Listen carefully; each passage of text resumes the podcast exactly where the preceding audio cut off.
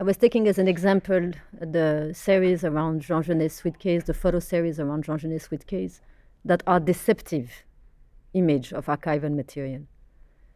Um, the same way the pictures, most of the pictures of Foreign Office, at least the one of the buildings, are deceptive architectural photo, uh, photographs. They look like um, photographs relating to the tradition of architectural photography, but they actually say exactly the opposite. Because most of those buildings were first colonial buildings. Then, after the independence, um, they became the headquarters of movements of liberation. So they were literally reappropriated by anti colonial fighters. Unmet promises of the independence um, made of those buildings today literally haunted places filled with the promises still to achieve or unachieved. So there is a sort of double side in those pictures. Uh, one that is very ironic in relation to the tradition of architectural photography, and one that is more about photography itself and until what point it can capture the movement of history maybe what photography can capture from history is the haunting presence of history more than history itself. Maybe. Wet feet is also very deceptive. You don't see much. Uh, maybe the common thread in my photographs is that they don't show anything. They show the presence of something that was there. Um, also because they play with the notion of metonymy, metaphor, and the, the transition from metonymy towards metaphor and where and where it it starts moving, uh, entering into into that process. So, um, yeah, wet feet. When you when you see one part of the photographs, it looks like a beautiful tropical tropical garden. But then you realize that this is a cemetery. Uh, it's not a tropical garden. Or the, the broken containers, they, they look like uh, abstract painting until you realize what those containers are, are exactly.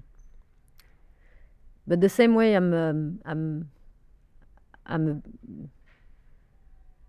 let's say, reluctant or I resist the, the, the, the attraction of the archive, um, I also do, I, I also refuse the literal meaning of things.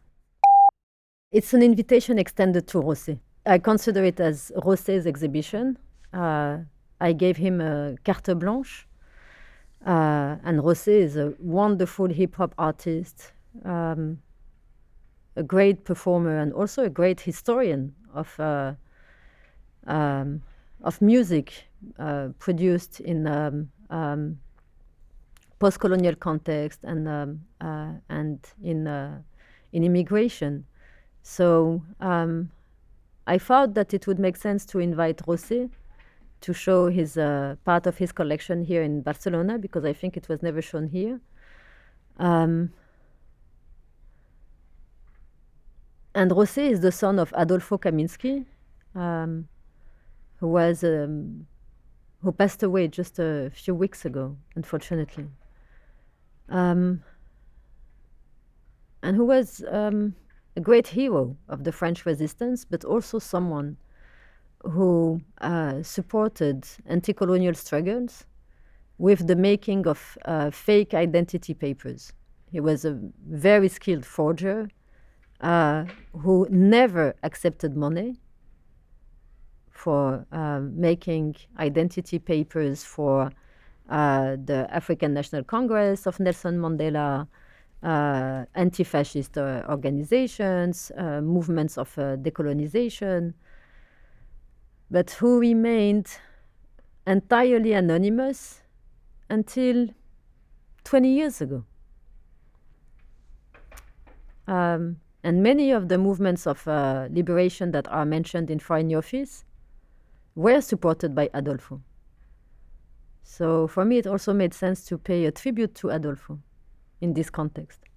Adolfo was a very, very good photographer, uh, and he had a beautiful exhibition in Paris, I think two years ago, um, at the Museum of uh, Jewish Art and History in Paris.